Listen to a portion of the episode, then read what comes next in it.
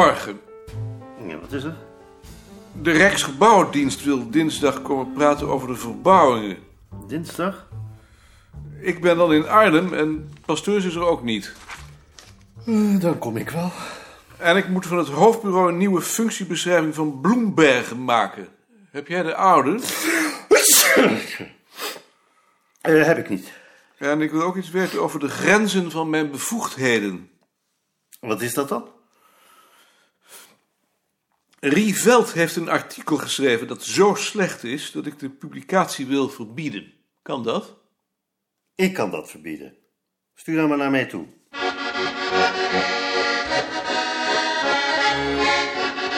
Dag Alt. Maarten. Ik heb Balken gevraagd of ik de publicatie van een artikel mag verbieden. En? Hij zegt dat hij het mag verbieden. En, wat doe je nu? Ik verbied het. Balk weet van dit onderwerp niets af. Ik ben even naar Rie.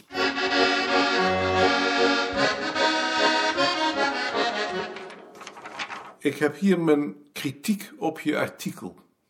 Het lijkt me het beste dat je die eerst maar eens leest en dat we er dan over praten. Die hoef ik niet te lezen. Roep de redactie maar bij elkaar. De redactie krijgt het stuk pas te lezen wanneer ik het heb goedgekeurd. Maarten, ik vind je kritiek heel interessant, Ik vind je kritiek heel interessant. maar ik vind mijn artikel goed.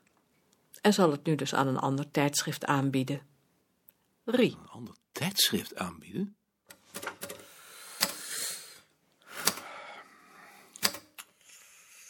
Rie.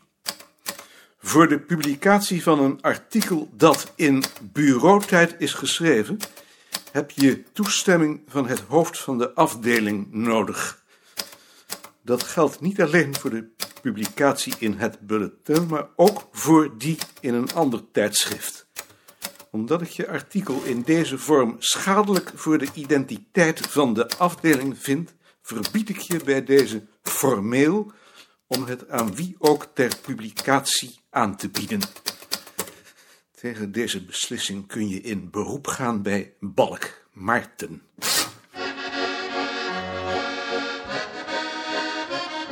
kunnen we niet beter ophouden met elkaar briefjes te schrijven?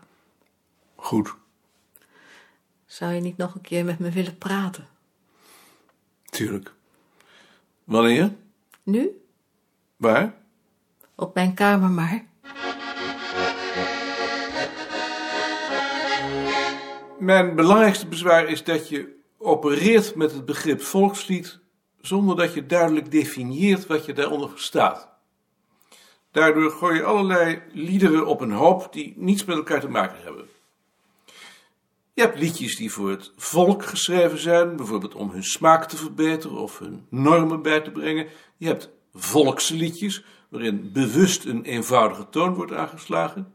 Je hebt liedjes die bij het volk populair zijn. En je hebt het volkslied dat de eenheid van de natie symboliseert. Die zou je om te beginnen uit elkaar moeten halen en afzonderlijk behandelen. Ik heb dat in mijn kritiek in details aangegeven.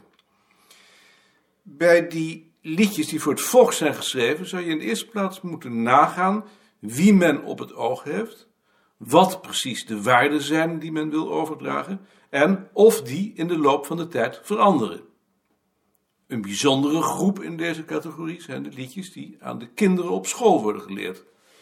Maakt me sterk dat je dat repertoire van het begin tot op de huidige dag kunt volgen. En het zou heel interessant zijn om hun inhoud te analyseren en te kijken hoe de normen die worden overgedragen veranderen. Bij de liedjes die populair zijn zou je moeten nagaan bij wie ze populair zijn en wat voor verschuivingen er in het repertoire zitten. Tot nu toe is er alleen gelet op hun herkomst en daar ben je min of meer het slachtoffer van geworden. Zo heeft Jaring het onderzoek ook altijd opgevat, maar het is veel interessanter om te kijken welke liedjes populair worden en welke verdwijnen. Je zou bijvoorbeeld kunnen nagaan hoe de populaire liedbundels in de loop van de tijd van inhoud veranderen en waarom, als gevolg van welke maatschappelijke veranderingen, maar ook wat de accenten zijn in de liedjes die Jaring verzameld heeft. Dat zijn drie typen onderzoek waar je zo mee zou kunnen beginnen. Het tweede bezwaar is dat er in je literatuurlijst van alles ontbreekt. Ik heb dat eh, hier aangegeven. Je hebt je te veel gehouden aan de oudere literatuur en dat heeft je aanpak beïnvloed. Om te passen in het onderzoek van de afdeling moet je nou juist dat perspectief veranderen. Betekent dat je er niet alleen van moet uitgaan dat een begrip als volk niet bestaat tenzij het nauwkeurig gedefinieerd wordt, maar ook dat je oog moet hebben voor de veranderingen in de loop van de tijd in het repertoire en niet moet blijven stilstaan bij een rudimentenonderzoek. Dat laatste is funest voor onze identiteit. Met die aanpak hebben we nou juist gebroken. Op dat punt mogen er geen tegenstrijdigheden zijn in wat op onze afdeling geproduceerd wordt. En als ik het nou onder pseudoniem eh, publiceer, dan heeft de afdeling er geen last van. Dacht je nou werkelijk dat iedereen niet meteen zou begrijpen dat jij dat bent? Dat, dat weet ik niet. Dat zouden we moeten afwachten. En hoe dacht je dat dan te verantwoorden tegenover de wetenschapscommissie? Je zult toch met een resultaat van je onderzoek moeten komen? Oh, dat interesseert me niet. Dat is jouw zaak. Ik heb Freek en Mark achter me, dus eh, waarom zou ik dan vertrouwen hebben in het oordeel van de wetenschapscommissie? Die zijn niet intelligenter dan Freek en Mark. Ik geef daarvoor geen toestemming. En ik heb uitgelegd waarom. Dan vraag ik toestemming aan Balk. Doe dat.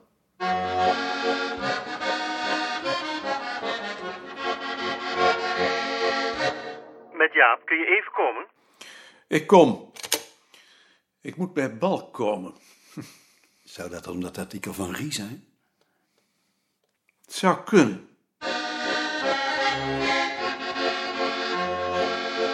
Waarom wil jij dat artikel van Veld niet publiceren? Omdat ik het niet goed vind. Dat zie ik niet in. Het, het heeft in ieder geval scriptieniveau. Mijn belangrijkste bezwaar is dat ze het begrip volkslied niet definieert. Waardoor ze verschillende categorieën liederen die niets met elkaar te maken Dat heeft ze hebben. geschreven. Dat heeft ze niet geschreven. Ik ken het artikel zo langzamerhand uit mijn hoofd. Door elkaar haalt dus. Bovendien heeft ze geen oog voor veranderingen en voor de maatschappelijke achtergrond daarvan. En tenslotte zijn er nog grote hiaten in haar literatuurkennis. Ik heb dat overigens allemaal opgeschreven en ook hoe het wel moet. Als het je interesseert, kan ik je dat laten lezen. Breng me dat dan maar. Rie zit nu bij Balk. Balk praat. Rie zegt niks. Nu zegt ze ook wat. Nee, Balk schudt zijn hoofd. Hij wipt met zijn voet. Hij geeft haar het artikel. Ze staat op, loopt de kamer uit. Balk staat ook op. Hij loopt naar zijn bureau. Hij neemt de horen op. Hij draait een nummer. Met koning? Kun je nog even komen? Sterkte.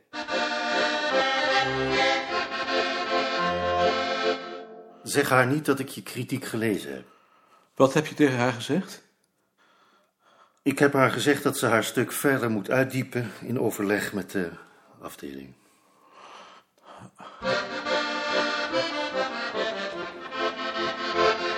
En? Ze heeft het advies om zich te voegen naar de afdeling. Ja, stel je voor dat ze nog gelijk had gekregen ook. En doet ze dat nu? Ik heb geen idee. Ik stel me er niet bij voor. Nou, ik zou haar laten barsten. Stel je voor. Die komt even hier om de boel een beetje te verpesten. Maar als je het mij vraagt, scheelde het verdomd weinig. Wat had je dan gedaan? Dan had ik mijn ontslag genomen. Ja, stel je voor, ze zadelen je op met de verantwoordelijkheid en als je die neemt, laten ze je vallen. Ik kan er echt razend om worden. Maarten, mag ik mijn artikel terug? Alsjeblieft. Die zal niet rusten voor ze je kapot heeft gemaakt. Dat moeten we maar proberen. En reken maar dat die twee klieren haar daarin zullen steunen. Het zijn geen van, het zijn geen van twee helden.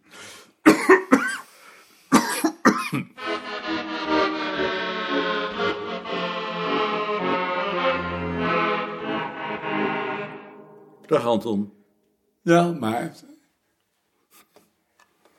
Wil je die tijdschriften nog altijd zien? Of, eh? ja, Ja, ik vraag het maar. Het zou mij al lang geen moer meer interesseren. het interesseert me. Je bent onverwoestbaar. Hoe gaat het?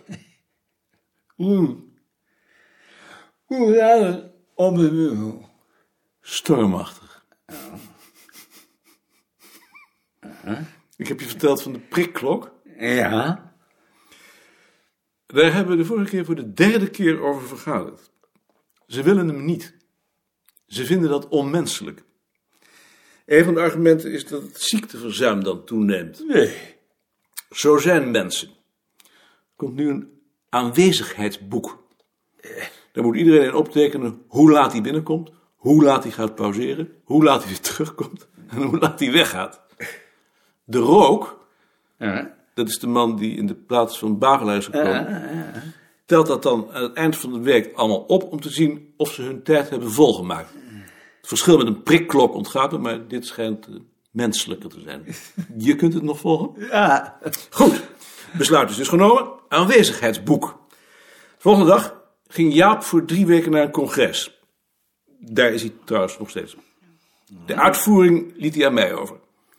De tweede of de derde dag zie ik dat chef Lagerwij en Elke Laurier, die alfabetisch direct onder mij staan, als aankomsttijden 10 uur en 10 uur 30 en als vertrektijden 22 uur en 23 uur 30 hebben ingevuld. Ik denk, laat maar, maar eh, zo denkt de rook niet. Die had het ook gezien en die sprak mij erop aan. Dat dat toch eigenlijk niet de bedoeling was. Behalve chef en Elke Laurier waren er nog vier die de regels zo hadden uitgelegd. Kloosterman natuurlijk, Rick Wacht, Jetje Meijer, Simon Hoevers. Je kijkt alsof het jou is overkomen. Het is ernstig. Wat is het? Ernstig. Schrijf dat eens op. Ernstig. Ernstig. Ja, het is, het is ernstig. Ik maak dus een circulaire waarin ik erop wijs dat ze mogen invullen wat ze willen, maar dat alleen de uren tussen 8 en 6 meetellen.